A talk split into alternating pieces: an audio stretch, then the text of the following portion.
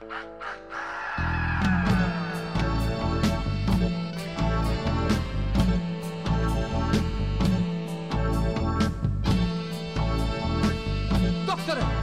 šta se to događa sa mnom? Osjećam se čudno. Šta nam je ova pandemija rekla o stanju u srpskom zdravstvu? Pokazala nam je da Srbija ima, smatram, izuzetno, izuzetne požrtvovane, hrabre ljude koji su zaposleni u državnom zdravstvenom sektoru, iako je do skoro medicinska sestra, recimo u šok sobi, imala manju platu nego spremačica u nekom javnom preduzeću.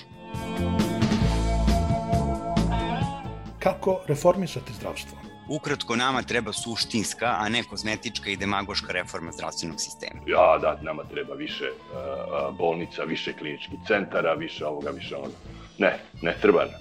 Treba nam više primarne zdravstvene zaštite i treba nam više javno-zdravstvenog novca, javno-zdravstvenih investicija. Gosti radio karantina u sredu 9., četvrtak 10. i petak 11. juna su u Beogradu član izvršnog odbora organizacije Ujedinjeni protiv covid Bojan Dereta. Zašto u borbu protiv epidemije nije uključen i privatni sektor? Jer zakon o zaštiti stanovništva od zaraznih bolesti u slučaju epidemije to apsolutno predviđa. I u Londonu konsultant za reforme zdravstvenih sistema i specijalista za javno zdravlje dr. Ozren Tošić. Zdravlje i privreda moraju zajedno da idu. Jer ako, ako ljudi nisu zdravi, onda uh, nema, nema ni privrede, nema ni ekonomskog rasta, biznis propada. Epidemija od početka vođena trajavo i nije smelo da se dogodi da se zdravstveni i političko-ekonomski interesi prepliću. Jer kad je zdravlje nacije u pitanju, kompromisa apsolutno nema. Sreda 9. četvrtak 10. i petak 11. juni.